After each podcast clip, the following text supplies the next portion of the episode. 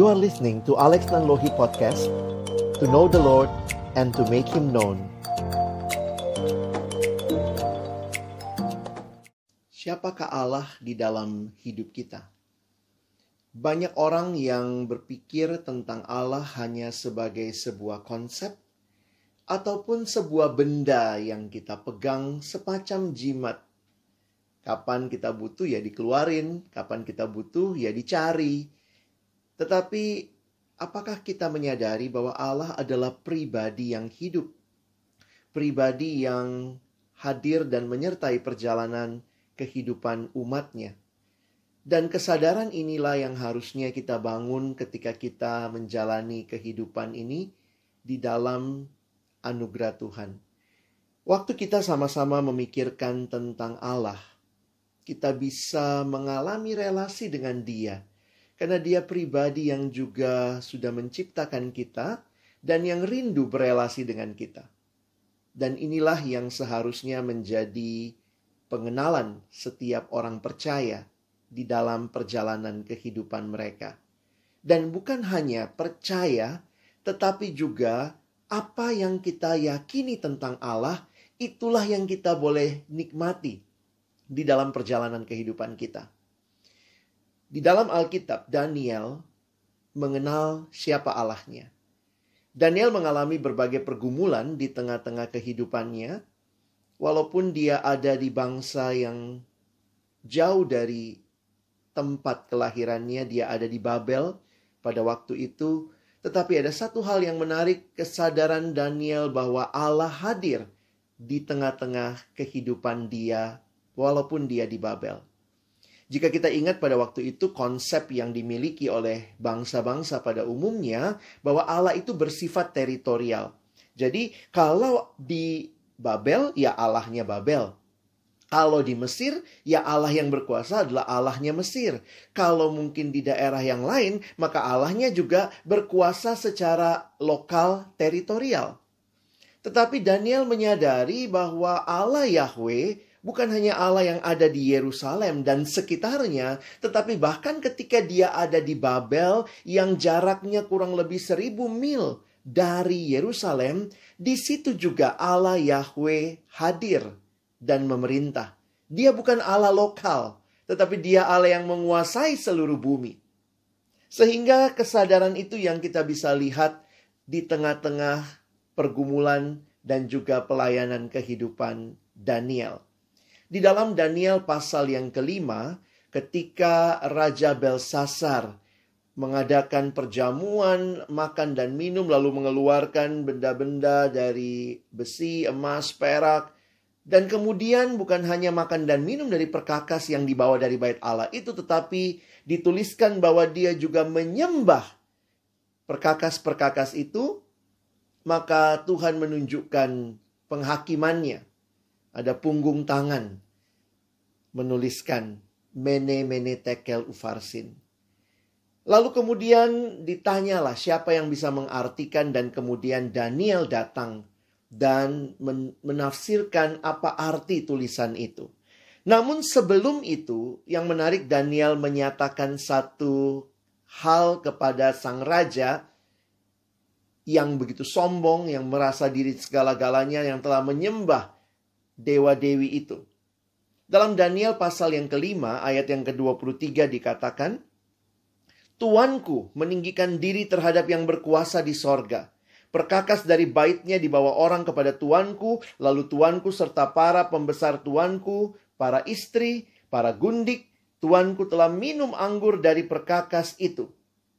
Tuanku telah memuji-muji dewa-dewa dari perak dan emas, dari tembaga, besi, kayu, dan batu. Dan ada hal yang menarik kalau melihat kalimat selanjutnya.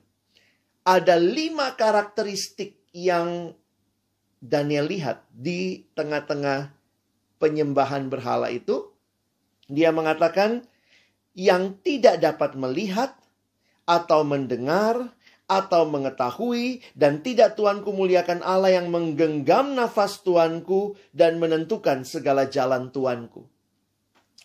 Teman-teman yang dikasihi Tuhan, waktu saya membaca merenungkan bagian ini, bahwa berhala-berhala yang mati itu yang hanya dianggap sebagai jimat dikeluarkan kapan dibutuhkan, dicari waktu sedang dibutuhkan, bukanlah Allah yang sejati. Allah yang sejati adalah pribadi yang hadir menyertai umatnya. Dan bayangkan gambaran yang Daniel berikan. Ini gambaran yang memang sangat manusiawi karena bicara tentang Allah yang melihat, mendengar, tetapi ini sebuah gambaran kedekatan antara Allah yang hidup itu, pribadi yang hidup itu dengan umatnya. Lima hal ini bisa kita lihat dan kita renungkan bersama dalam hidup kita. Allah yang saudara dan saya sembah dia pribadi yang hidup, yang kehadirannya dalam hidup kita boleh kita nikmati dan rasakan. Ia Allah yang melihat, bukan seperti berhala yang tidak dapat melihat. Dia Allah yang mendengar, bukan seperti berhala dari kayu besi yang tidak bisa mendengar. Dia Allah yang mengetahui, dan juga Dia Allah yang menggenggam nafas hidup kita dan menentukan segala jalan kita. Menghayati setiap detail ini bagi saya memberikan satu keyakinan dan keteguhan bahwa di tengah-tengah pergumulan dan perjalanan hidup kita, yang menyertai kita adalah Allah yang hidup, yang melihat, mendengar, mengetahui, menggenggam nafas hidup, dan menentukan jalan-jalan hidup kita. Dan inilah yang memberikan keyakinan saya yakin bagi Daniel. Sehingga di tengah-tengah Babel, jauh dari tanah kelahirannya, dia tetap menyerahkan diri kepada Allah. Dia tetap hidup berintegritas karena Allahnya adalah Allah yang melihat bahkan waktu dia ada di Babel. Dan dia berdoa karena dia tahu Allahnya adalah Allah yang mendengar dan Allah yang mengetahui. Atau istilah yang lain sebenarnya bisa dihayati Allah yang peduli. Nah, kita sering kali menyanyikan pujian Allah mengerti. Allah peduli.